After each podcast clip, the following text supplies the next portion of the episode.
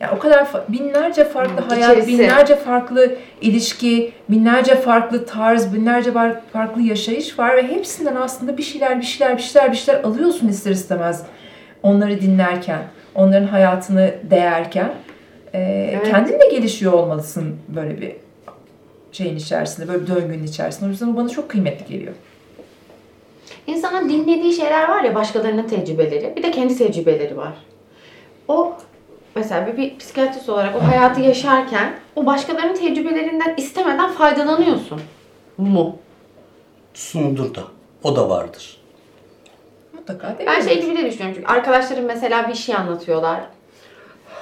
O benim için bazen bir şeyleri yaparken ona göre yol gösterici şeyler olabiliyor. Ya ben Başka sana yakınların ben kaç tecrübeleri. yıl boyunca eline bir tane şey versem ne olsun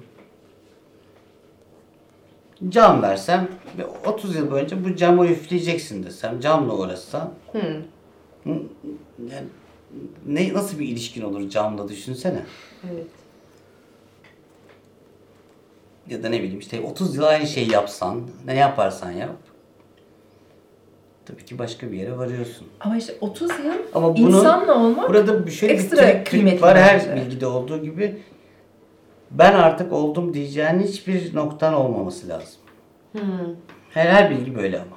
Cam ustası da olsan. Ben oldum demeyeceksin yani. Bir yerde kırar seni.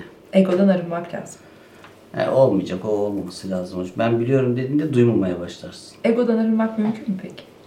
Ben hiç anlamıyorum bu kelimeyi. Ego kelimesi bizde tabii başka bir anlam taşıyor ama genel kullanışı yani o primer narsizm diye bir şey var. O, o kadarı olacak hepimizde. Olması lazım. Olmazsa zaten bir şey yapamayız aslında. Yani. Ama öbüründen tabii ki mümkün ama zor.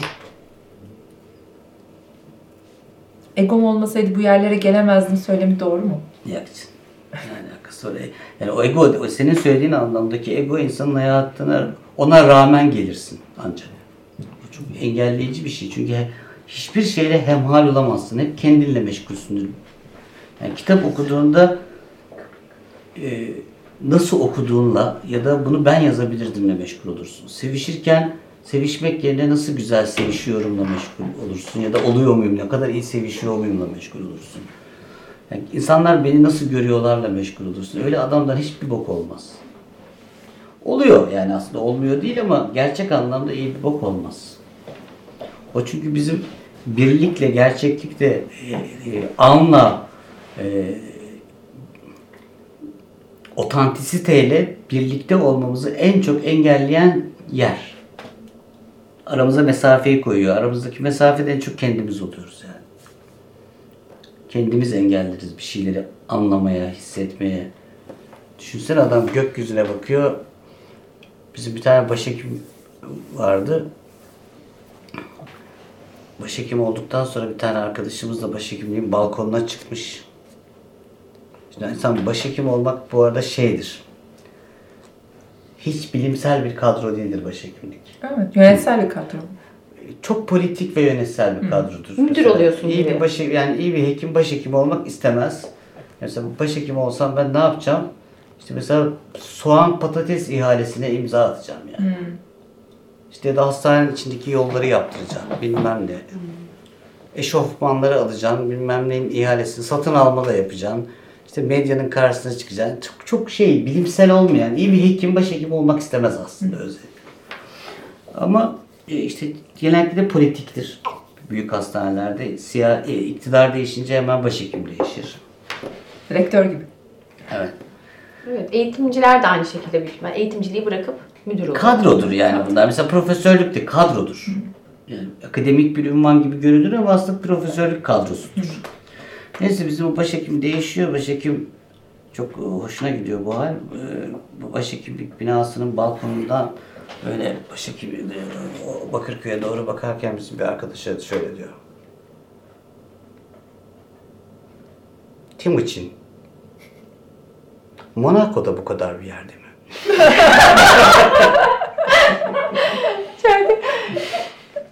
Kral ilan etmiş kendini. Şimdi Müthiş motivasyon yaratmış kendine. motivasyon gerçekten. Ha Monaco, ha Bakırköy. Bu kadar bir işte.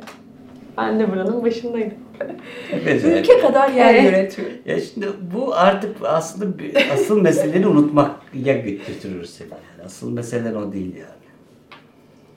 Aslında mesela tadını çıkarıyor olamaz mı o sırada bu bunun? Bu bir şaka yollu belki kendi Ee, dünyasında. O, o değil mi O bu? kişilik örüntüsü bunun dışında böyle olmasa zaten böyle anlatmam.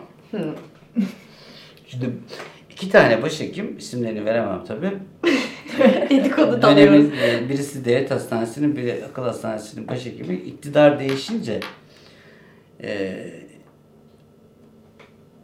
yerlerinden olacağız korkusuyla bu sefer yeni iktidarın il başkanlığına gidiyorlar. Herhalde o zaman işte MHP ile CHP'nin ya da bilmem neyle bilmem nenin işte şeyi Koalisyon. Hükümeti e, ve il başkanlığı, parti il başkanlığına gidiyorlar. Hani konumlarıyla ilgili şüpheye düştükleri için. Şimdi bakın güya hikaye bu ya. Bakın e, devlet hastanesinde o zamanki başhekim anlatıyor. İsimleri değiştireceğim. Biri şimdi buna anlatan Mehmet olsun, öbürü de Ahmet olsun. Şimdi diyor ki Mehmet biz diyor gittik diyor sırayla diyor herkesin elini öptük diyor. Ben diyor bir tanesini diyor elini öpmedim diyor. Ahmet onunkini de öptü diyor. o diyor klima tamircisiymiş.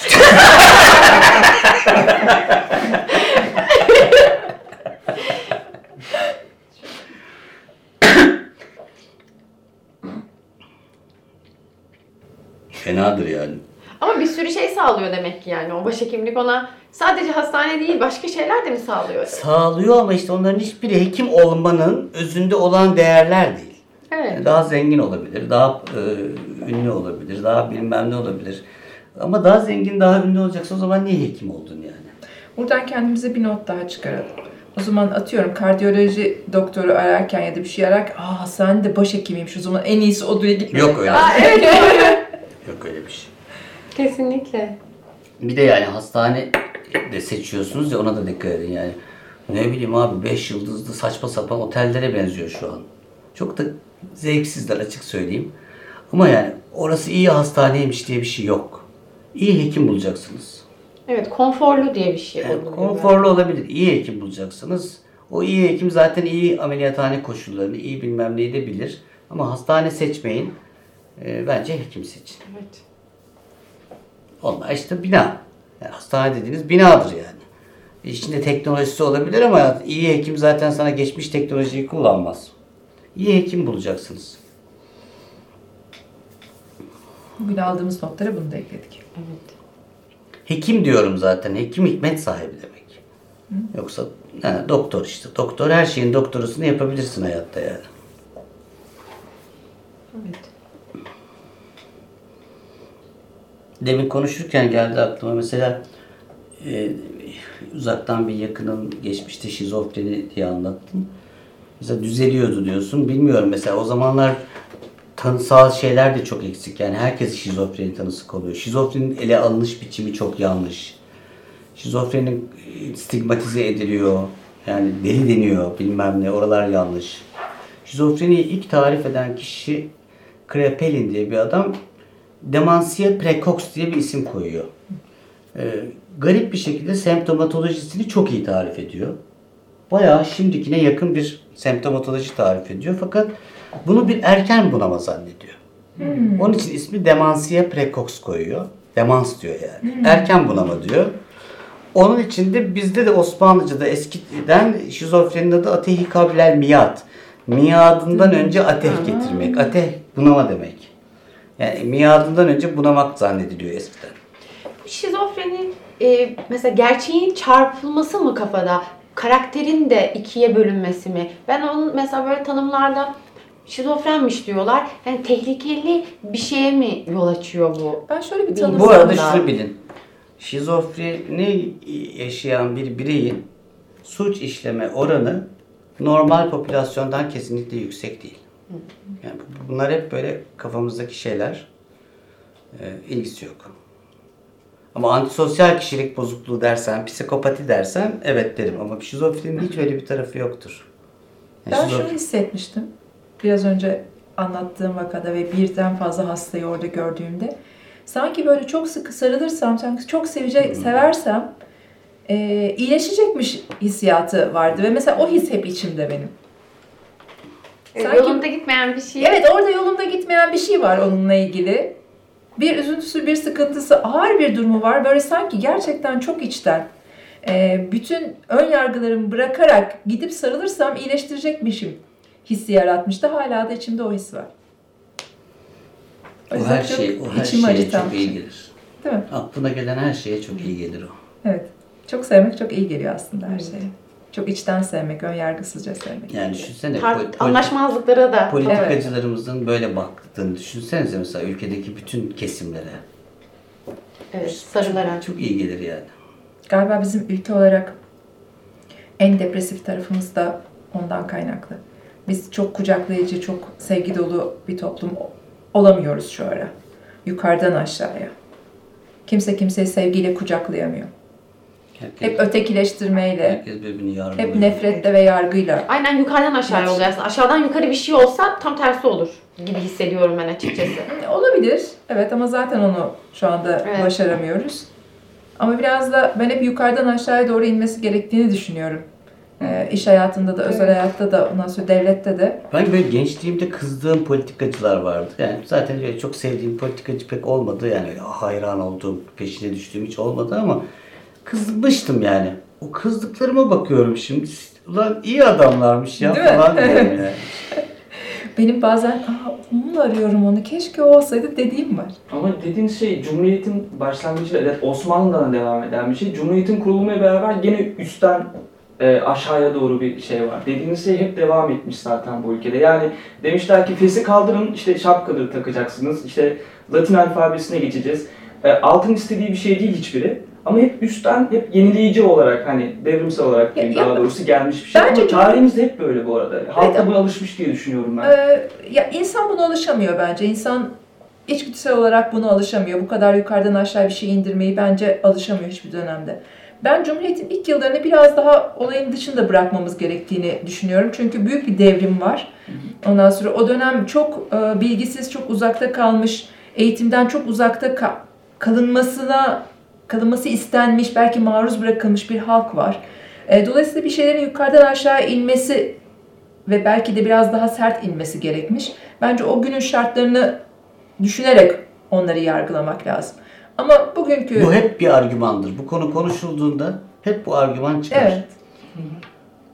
Ama bir, bence Bu bir doğru tık- veya yanlış diyemem ama yine de e, dönüp baktığımda keşke birazcık daha içselleştirilerek, kucaklayarak Keşke. Ben bu arada o dönemde hiç yanlışlar yapılmamıştır. Her şey çok doğru yapılmıştır. Hiçbir zaman demiyorum. Mutlaka yanlışlar vardır. Ama yanlışların o günün şartlarına bağlı olduğunu düşünüyorum. Ya da en azından şunu yapmamız gerektiğini düşünüyorum. O günle bugünü Ben o artık. yanlışlarını çok eleştirirdim. Sonra o kadar kötü şeyler gördüm ki sonrasında o zamanki eleştirilerim bir, bir bile lan bu kadar da değilmiş şey geldim. Daha kötülerini gördüm, daha acayiplerini gördüm. İlerliyor olmamız gerekirken geriledik sanki. Ya eleştiri anlamında söylemedim. Sadece hani e, dediğiniz şey zaten hep böyle olmuş bu topraklarda. Evet, evet, maalesef hep hala da devam ediyor maalesef. Hani e, içimizde ne var, e, kültürümüzde oturmuş bir şey dönüşmüş artık. E tabii Galiba. çünkü bu, bu coğrafyanın, bu kültürün bir parçası Evet. yukarıdan aşağıya gelmesi. O yüzden de tam e, Cumhuriyet'in geçirdiği devrimler hala tam oturmamış. Çünkü aşağıdan bir istek olmadığı için, içselleştirilemediği için hala oturmamış olduğunu düşünüyorum. O- o- İyi aşağıdan o başka talep şey geldiğinde de diyor. susturuyorsun abi. o ayrı tabii ki. O başka. Aşağının talepleri var yani aşağı talep ediyor, aşağı bir şeyler söylüyor. Aşağı kendi kültürünü ortaya koyuyor. Bir de mesela kültür denilen şey hep bunu konuştuk burada birkaç kere de yani sadece kitaplar değildir. Yani yemeğimiz kültürdür. Türkümüz kültürdür. Nasıl oturup kalktığımız kültürdür. Nasıl bir divan yaptığın kültürdür. Onlar senin kültüründür ama o kültürü de aşağıladığında onlar da gelişmemiş. Bir, bir hal yani. Evet. Kültürün tarifi bile bir garip Evet, yapılmış. Kesinlikle. Kültürlü olmak deyince kitaplarda kalan şey. Öyle değil ki. Bir de ben senin de vurguladığın konuyla ilgili şöyle bir şey düşünüyorum. Eğer bir insan herhangi bir şey olabilir, bu sadece devlet meselesi değil. Hı hı. Özel hayatında da, iş hayatında da, işte çocukluğunda da, oyuncağında da eğer bir şeyi kendi elde etmiş değilse, yani onun için emek vermiş, zaman vermiş, uğraşmış, e, kanter, kanter dökmüş değilse onun kıymetini de çok iyi bilemiyor ve sahiplenemiyor. Kesinlikle. Bizde devrimler biraz öyle gelmiş. O birazcık bizim elimize verilmiş. Biz onun için herhangi bir çaba sarf etmemişiz, bir emek sarf etmemişiz, uğraşmamışız. O yüzden de değerini çok iyi bilmiyoruz diye düşünüyorum. Biraz elini taşın altına koymak lazım elde ettiğinin değerini bilebilmek için. Biz sanki onu yapamadık orada. Ee, İşte bizim genel olarak devlet adamlığımız biraz böyle galiba. Hani bu ülke şeylerde. Ve demek devam öyle ediyor yani? geliyor benim hani o anlamda. Yaptığın iş neyse onunla meşgul olmak. Hastaya cerrahi müdahale yapıp ona şifa mı vereceksin? Bununla meşgul olacaksın. Bununla meşgul olurken aynı zamanda çok yakışıklı olmaya, aynı zamanda çok meşhur olmaya, aynı zamanda çok zengin olmayı düşünüyorsan o hastaya artık ameliyatından verdiğin kriter azalıyor. Yani başhekim olmak hani dedim ya böyledir. İnsanı hekimlikten uzaklaştıran bir yönetsel kadrodur. Mesela onun için yönetsel kadro deyince aklımıza ne geliyor? Hep bizim böyle şeyler geliyor. Ha, maalesef. Ya ben burayı yönetmeye değil, ben buraya iyi gelmeye geldim diyen adamlar olması lazım. Politika bence genel olarak tüm dünyada, Türkiye gibi düşünmüyorum. İnsanlar için yapılıyor gibi gelmiyor bana İşte maalesef. zaten. Maalesef sorun o. evet. Yani insan için yapılmadı. Başka bir büyük bir resmin tamamlanması için yapılıyor. Onu yaparken de mecburen insanlara bir şeyler, bir iyilikler yapmak Onlar gerekiyor. büyük resme bakıyorlar, biz de böyle oradan oraya koyuyorlar piyon gibi sanki. Evet, Öyle ben his ben öyle hissediyorum. E, tabii sana yaklaşan insana o yönetim kadrosundan sana yaklaşan insana dokundukça ondan daha bir duygusal bir şey alabiliyorsun. Ama büyük bir yönlendirmenin esiriyken ya politika senin senin için değil aslında. Belki o yola senin için çıkmış insanlar da büyük resmi görmeye başladıkça aslında belki fikirleri değişiyor. Ondan sonra başka bir şeye dönüşüyorlar. Yani Doğru. ya canavarcı mı gibi geliyor belki böyle küçük noktaya baktığında, o bir bireye baktığında. Ama diyor ki o bir birey değil, milyon birey olduğunda bir birey böyle biraz Önemi yok. daha önemsizleşiveriyor. Yani Hep orada politikada sevimsiz bir şey yani. O güçten, o paradan, o getiriden biraz uzaklaşabilmek lazım ama ben hiçbir politikacı göremiyorum ki o güç için o işi yapmasın. Yani insan için yapanı bilmiyorum ben rastlamadım en azından görmedim. Bence çıkış noktası insan için. Sonra Ve Belki çıkış de o- noktası öyle olanlar bile dönüşüyor diyor. dönüşüyor diye Evet, düşünüyorum. Doğru. Hiç, hiç, hiç görmedim. Ben bunun örneğini şu şu insanda bunu yapmış diye bir örneğini veremiyorum maalesef. O güçten ve o paradan uzaklaşabilmiş sadece insan için çalışan birini göremiyorum. Umarım görürüz bundan sonra. O ego İşte güç. Benim hep bunu anlatıyorum yani. Hep hayatınızda hepimiz için kendi alanlarımızda biri bir şeyin tepesinde duruyor olabiliriz. Anne sen anne, çocuğunun tepesinde duruyor gibisindir yani. Bir, bir bireylik bir yönetsel kadron var yani. Gene bir şey yapıyorsun. İşte sevgiliysen gene öyledir. Dolayısıyla hep içinde bulunduğumuz ortamın değerlerini alt üst edecek başka kişilerle, başka ırklarla, başka yerlerle, başka dillerle, başka yer topraklarla karşılaşmak, başka mesleklerden arkadaş edinmekten kastım bu. Yani spektrumu geniş tutun, yelpazeyi geniş tutun. Çünkü içinde bulunduğun şeyin sana bir takım değerler sunuyor ve sen onların gerçek hayatın tümünü tanımladığını zannediyorsun. Değil abi, tanımlamıyor. Nereye gitsen seninkinden başka bir yer görüyorsun. Onun için o o zehirden arınmanın tek yolu sürekli kendimizin dışında adımlar atmak. Başkalarıyla karşılaşmak, başkalarının dertlerini de görmek. Onun için mesela belki de işte tepdili kıyafet yaparmış eski padişahlar. Yani gidip sıradan biriymiş gibi orada ne olup ne bittiğine bakarlarmış. Bu sadece bir denetleme değildir. İnsan çünkü kendi gücüyle bir bireyle olsa annelikle bile zehirleniyor. Doktorlukla zehirleniyor. Edebiyatçısın, yazarlıkla zehirleniyorsun. Putlaştırıyorsun. Ben bir gün baktım dedim ki ben bu kitap işini putlaştırmışım. Kitap da olsa puttur abi. Azalttım yani. Bu kadar önemli değil. Yazmayı mı okumayı mı? Hiçbirini azaltmadım. Gene yazıyorum, okuyorum da öyle kitap bilmem ne aman kimseye vermem falan filan yok. Yani çok yani bir daha asla bulamayacağım bir kitap değilse falan çok rahat verebilmeye başladım. Ya putlaştırma. Bunlar sende ne olacak ki? Mezara mı götüreceksin işte yani? Paylaş. Bilmem ne yap. Yani iyi şeyleri bile putlaştırmamak gerekiyor. Yani mesela hayvanseverler var bazıları. Ya evet. Ya hayvanseverliği niye putlaştırıyorsunuz? İnsanı, insanı sevmeyecek kadar hayvan sevmeyin. Hayvanı sevmeyecek kadar da insanı sevmeyin. Yani bir- bakıyorsun adam kadın hayvan sever ama e, Sert bir tarafta duruyor. ülkenin Evet, bilmem neresinde e, yaşayan insanlara, doğuda yaşayan insanlara gayet de kötü şeyler söyleyebiliyor yani. Ya ne yaptın ha? hayvan seviyorum diyorsun ama sen insan bile sevmiyorsun diyebilirim o zaman sana ben. Putlaştırmamak için de sürekli havuzumuza başka renklerden bilgiler, ilişkiler katmamız, başka sularla beslenmemiz lazım. Yoksa göle dönüyoruz. Göle döndüğünde göl dediğin şey hele küçükse gölün dalgalanmayan içinde sineklerin vesairelerin bataklığa dönüyor kişi. Diğer sularla karışacaksın. Irmaklarla, denizlerle hepsi sana akacak. Hep birilerini anlamaya başlıyorsun. Kurur zaten. En büyük göl bile kurur biliyorsun. Bir bilmem kaç yüzyıl sonra yani. O da büyükse eğer bir zaman alır ama küçük dediğin şey işte e sen su birikintisi gibi duruyorsun hayatta. E kimseyle kavuşmuyorsun. Yani bulunduğun semtten çık hiçbir şey yapmıyorsan. Başka türlü giyinen insanlarla karşılaş. Başka türlü şeylere önem veren. Senin önem verdiğin ve değerlendirdiğin, senin değer yargıların ya da senin değerler hiyerarşisinde en tepede olan şeyin onun için ne kadar salak bir şey olduğunu gör. Bu seninkinin çok değersiz olduğunu göstermiyor ama onun için de değersiz bak o, o başka bir şeye değer veriyor gör, gör gibi karışmak gere- gerekiyor.